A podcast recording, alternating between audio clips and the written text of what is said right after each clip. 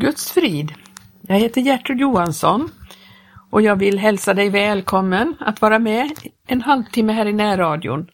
Och jag vill, som jag brukar göra i de här programmen, dela med mig utav tankar jag har och som jag upplever är angeläget att få dela med mig utav. Och jag ber er att ransaka skrifterna och se vad det står där, om det stämmer med det som jag meddelar er. Det är alltid välsignat att ta del av Guds ord. Och jag vill tala om det här med andens frukt lite grann. Jag vill beröra det. Vi tog upp det för ett par veckor sedan och jag talade lite om andens frukt och att frukt växer ju fram på ett träd eh, utan att trädet blir, eh, vad ska man säga, befallt att bära frukt. Det sker på grund av den natur som finns i trädet. Det är naturligt att bära frukt. Och förutsättningen är att trädet har liv i sig och då bär det frukt. Vi kan titta återigen i Galaterbrevet 5. I 22 versen så står det Andens frukt åter är kärlek, glädje, frid, tålamod, mildhet, godhet, trofasthet, saktmod, återhållsamhet. Mot sådant är icke lagen. Det är det som kännetecknar en kristen som har liv i sig. Därför själva livet i denna människa bär eh, ett synligt uttryck i det att frukt börjar visa sig. Och vi ser ju här egenskaperna och smaken utav denna frukt. Det är fantastiskt om vi ser på det. Och jag har tänkt mycket på detta med glädjen, därför att glädjen, ja det finns mycket som är eh, ont och hemskt i den här tiden och det finns också en sån stor förvirring ibland de kristna.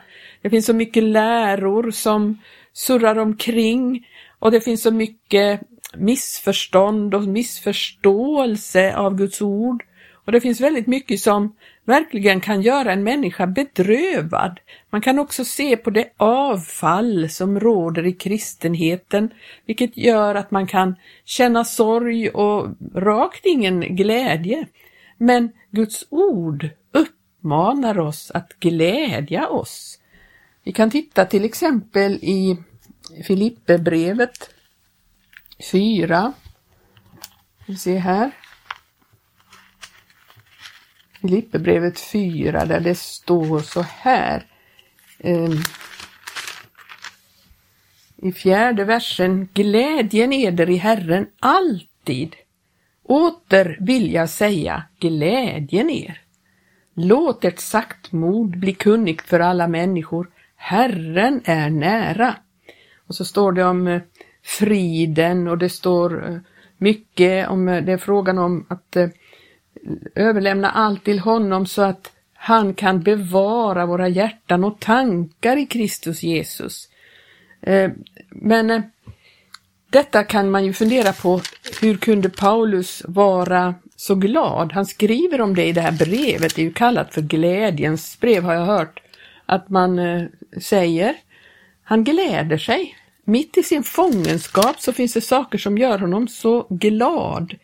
Han säger i första kapitlets um, ja, tredje vers, säger han tackar min Gud så ofta jag tänker på er i det att jag alltid i alla mina böner med glädje ber för er alla. Och jag tackar tackar honom för att ni alltifrån första dagen inte nu har deltagit i arbetet för evangelium. Vi ser när vi läser vidare där att den enda glädje han hade var, var att evangelium blev utspritt och det var det, hans hjärtas verkliga önskan och bön, det var ba, bara det han brydde sig om. Eh, så att han eh, han gläder sig i, eh, det står till exempel i 18 versen, vad mer, Kristus blir dock på ena eller andra sättet förkunnad. Det må nu ske för syns skull eller i uppriktighet och däröver gläder jag mig. Ja, jag ska framgent få glädja mig. Eh, och så säger han ju det i 21 versen till att leva det är för mig Kristus och att dö det är för mig en vinning. Så han hade glädje i bedrövelsen, han hade glädje i prövningen.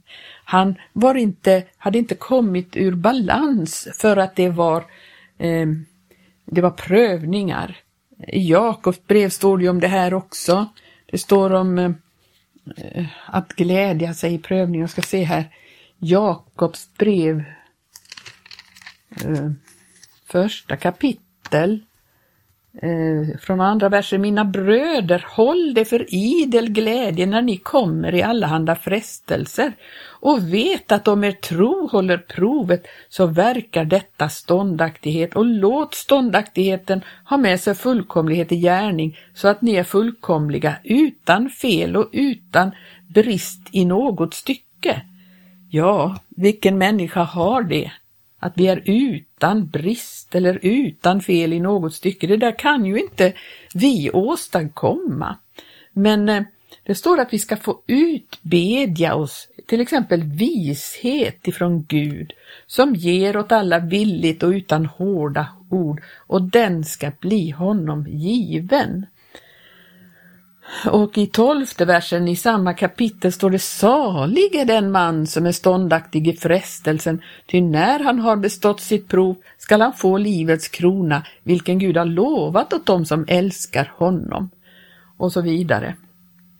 Vi skulle kunna läsa mycket, men vi ska tala lite om detta med glädje. Vi ska fortsätta där i, eh, titta i andra eh, Korinthierbrevet där det står Var glada.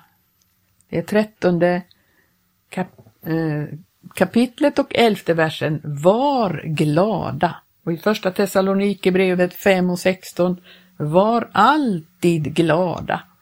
Och Kolosserbrevet 1, där står det så här ifrån eh, tolfte versen så står det så här. Eh, ja, vi kan börja i elfte versen där. Hans härlighetsmakt, nu läser jag ur folkbibeln här. Hans härlighetsmakt skall då styr, styrka er och ge er kraft till att vara uthålliga och tåliga i allt. Och med glädje ska ni då tacka Fadern som har gjort er värda att få del i det arv som de heliga har i ljuset. Han har frälst oss ifrån mörkrets välde och fört oss in i sin älskade Sons rike. I honom är vi friköpta och har fått förlåtelse för våra synder. Och så vidare. Där har vi orsaken till att vi alltid ska vara glada. För att eh, det beror på det här att vi får tacka honom för den arvslott som de heliga har i ljuset och han har försatt oss i sin älskade sons rike. Det är ju inte vi värda egentligen, men han har gett oss det och han eh, Därför kan vi glädja oss över detta och att vi ska glädja oss när prövningarna kommer, det beror ju på att vi då får bevis för att vår tro är värd att bli prövad. Någonting har blivit så värdefullt så att Gud vill låta detta eh, framkomma, framstå mer och mer i våra liv. Och då kommer prövningen, därför det äkta, det som har kommit ifrån honom, då kommer det fram. Det här görs ju när guld ska renas, så renas guldet genom elden. Och då smälter allt annat bort, allt annat brinner bort, men elden gör att guldet framstår rent och, och i sin härlighet. Så är det med den tro som blir beprövad. Därför ska vi glädja oss när vi prövas. Och hur får vi då del av allt det här? Jo, det handlar ju om att vi måste ha eh, kontakt med livets källa. Källan som brinner, källan som, väl, som jag menar som eh, väller fram. Det är det jag menar källan väller fram och vi har möjlighet att ha våra rötter i detta vatten och i det liv som kommer ifrån honom. Och det är därför som eh, vi uppmanas att vi måste dricka ur källan. Nu ska jag titta på det. Det står om i, i eh, Johannes I Johannes evangelium i sjunde kapitlet så står det så här Eh, 37 versen så står det på den sista dagen i högtiden som också var den förnämsta stod Jesus där och ropade och sa Om någon törstar så kommer han till mig och dricke. Den som tror på mig av hans innersta ska strömmar av levande vatten vatten fly, flyta fram så som skriften säger. Detta sa han om anden, vilken de som trodde på honom skulle undfå, ty ande var då ännu inte given eftersom Jesus ännu inte hade blivit förhärligad. Han talar om att det kommer att finnas en tid när man kan dricka ur en källa och denna källa gör att ur vårt innersta så kommer det att strömma fram någonting. Och det som strömmar fram är ju ifrån denna källa. Och Det är också så denna frukt kommer fram i våra liv. Det är att vi, att vi kan inte åstadkomma det, men själva livet i oss frambringar denna frukt.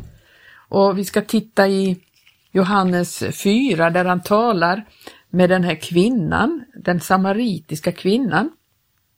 Så talar han om om denna källa, detta vatten, för han var ju eh, vid en brunn och ville ha vatten av den här kvinnan och hon sa, eh, han talade om att han kunde ge henne levande vatten. Och då säger hon, du har ju ingenting att hämta upp vatten med, varifrån får du det friska vattnet? Och då svarar Jesus i trettonde versen där i fjärde kapitlet, Johannes 4 och 13. Han säger så här, var och en som dricker av detta vatten han blir stygg igen. Men den som dricker av det vatten jag ger honom, han skall aldrig någonsin törsta, utan det vatten jag ger honom ska bli i honom en källa vars vatten springer upp med evigt liv. Den som dricker, den som dricker. Och jag har tänkt mycket på det där. Den som dricker. Det finns så många kristna som är så som inte har börjat dricka ur källan. Man har aldrig gjort det.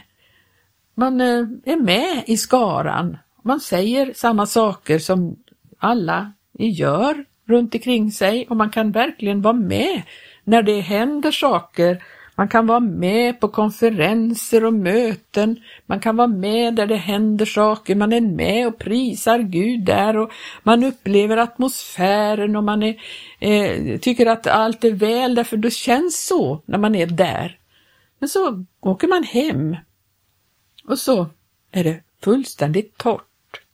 Det är torrt. Man, man eh, finner inte den glädjen och den, det där strömmar det vattnet där hemma eller när man är ute på sin arbetsplats eller vad man nu sysslar med om dagarna.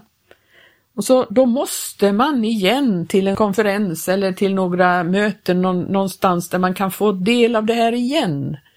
Och så är man där igen och upplever på nytt igen hur, hur fantastiskt det är att vara där och man känner av strömmarna och allt. Men när man kommer hem så är det lika torrt igen.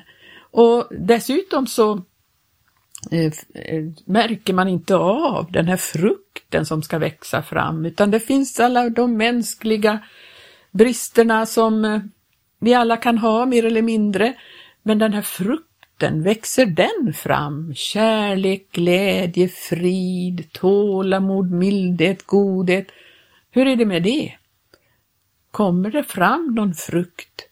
Och jag tror att det är många kristna som inte har lärt sig dricka själv.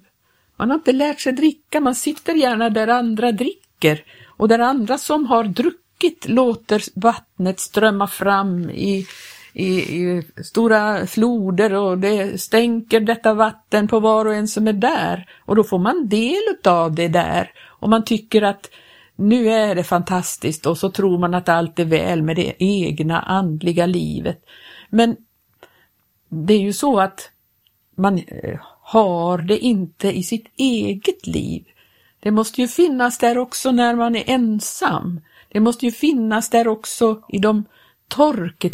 så måste denna källa ändå finnas i vårt inre. Vi måste själv dricka och det handlar om vad vi dricker. Vad är det som...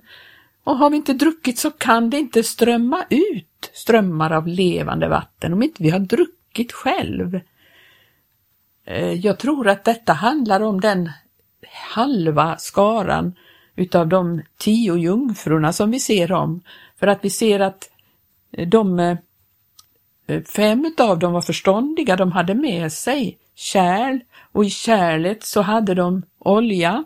Här är det bilden av anden, det är oljan i det här fallet. Och de, oljan fanns för dem som hade varit förståndiga och tagit med sig olja i kärlen också. Det finns många tolkningar på den liknelsen men en av dem kan vara detta att man har inte det egna personliga eh, gudslivet så att i det fördolda, att man dricker där eller att man eh, Eh, tar in utav denna olja i sitt liv när man är ensam, när man, och då eh, för jag tänker på de som är oförståndiga, de hade inte olja. Det är de jag tänker på nu. Att om det är så att inte detta egna gudsliv finns, då är man ju beroende av de andras gudsliv så att man vill vara där och vill känna av de här stänken som kommer ifrån de andra. Och jag tror att det är de som säger giv oss av er olja. Och då säger de andra att det hjälper inte, ja, det räcker inte till er också. Eh, det, det ska till att var och en har sitt eget gudsliv, sin egen eh, påfyllning utav oljan eller vattnet om man så vill, för det handlar ju om olika bilder utav den helige ande detta. Och, och, har man inte det egna gudslivet så klarar man sig inte utan de här konferenserna, mötena. Fantastiskt. Det är klart att det är fantastiskt med dem. Och det är underbart att komma samman och, och uppbyggas på sin allra heligaste tro. Men vi måste kunna fungera i ensamhet också. Och detta ord har jag säkert läst flera gånger i Jeremia 17 som handlar om det här. Eh, där det står i sjunde versen Men välsignad är den man som förtröstar på Herren, den som har Herren till sin förtröstan. Här handlar det om människor som de har inte förtröstan på de andra, att de ska fylla på, att de ska hjälpa till, utan han har sin förtröstan på Herren. Han är lik ett träd som är planterat vid vatten och som sträcker ut sina rötter till bäcken. Ty om en hetta kommer så förskräckes det inte, utan bevarar sina löv grönskande. Och om ett torrt år kommer så sörjer det inte och upphör ej heller att bära frukt. Hör ni? Nu är vi inne på det här med frukt igen. För här finns det en som hade eh, kontakt med källan, med livets källa. Och då kommer frukten också i ett torrt år, när det kommer torra år andligt talat. Det är inte ett sådant år när det är mycket stora härliga konferenser, det är ett torrt år på det andliga planet, men den som har liv, den som har sina rötter i källan, den överlever de torra åren och inte bara överlever utan ger också frukt. Vi fortsätter läsa på verser till där. Ett illfundigt och fördärvat ting är hjärtat framför allt annat. Vem kan förstå det? Dock, ja, Herren utransakar hjärtat och prövar njurarna och ger så åt var och en efter hans vägar, efter hans gärningars frukt. Här handlar det om igen om frukten. Frukten kommer för den som har denna eh, kontakt med livet själv, den som kommer eh, det kommer fram, det visar sig vad där finns för någonting. Vi har ju eh, ett utlopp ur våra liv och det står ju så här att vad hjärtat är fullt av, det talar munnen. Om munnen talar otro, om munnen talar och klagar och, och trycker ner med, med sin, eh, sitt tal, då visar det bara vad det finns i det hjärtat. För hjärtat, eh, det, det är som ett kärl. Har man fyllt det med någonting så om det, man stöter till ett kärl så skvimpar det ut någonting. Och det visar sig vad som kommer ut ifrån ett hjärta. Eh, det visar vad som har kommit in. Så det är väldigt viktigt att vi eh, verkligen dricker ur källan, att vi tar in utav det som Gud ger oss i, i sitt ord och i umgänget med honom. Och då kan tungan tala eh, på ett helt sätt. För I Jakobs brevs tredje kapitel, tungan, och vad, vad, som kan hända när eh, Alltså tungan kan verkligen göra att det styr iväg åt något håll. Det står att tungan är en liten lem och kan likväl berömma sig av stora ting. Betänk hur en liten eld kan antända en stor skog. Också tungan är en eld, så som en värld av orättfärdighet framstår den bland våra lemmar. Tungan som befläckar hela kroppen och sätter tillvarons hjul i brand. Och så vidare, att man kan tämja olika djur och så står det i åttonde versen, men tungan kan ingen människa tämja. Ett ont och oroligt ting är den och fullt av dödande gift. Och så i nionde versen, med den välsignar vi Herren och Fadern och med den förbannar vi människorna som är skapade till att vara Gud lika. Ja, från en och samma mun utgår välsignelse och förbannelse. Så bör det inte vara, mina bröder, undervisar Jakob här i sitt brev. Inte ger väl en källa från en och samma åder både sött och bittert vatten. Och mina bröder, inte kan väl ett fikonträd bära oliver eller ett vinträd fikon, lika lite kan en salt källa ge sött vatten. Och så, detta måste man förstå. Det visar sig med vår tunga vad vi har tagit in för någonting. Och det visar sig i vad vi ger ut, vad vi har tagit in.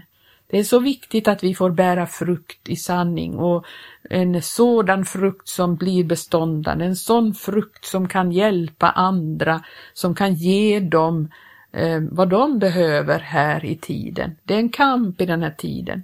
Må du och jag vara trogna vår kallelse att ge och bära frukt där vi går fram. Och då måste vi se till att ha kontakt med den äkta och rätta och sanna källan. Ja, det får bli allt för den här gången så får vi se vad vi tar upp för ämne nästa vecka. Må Gud välsigna dig som har lyssnat. I Jesu namn. Amen.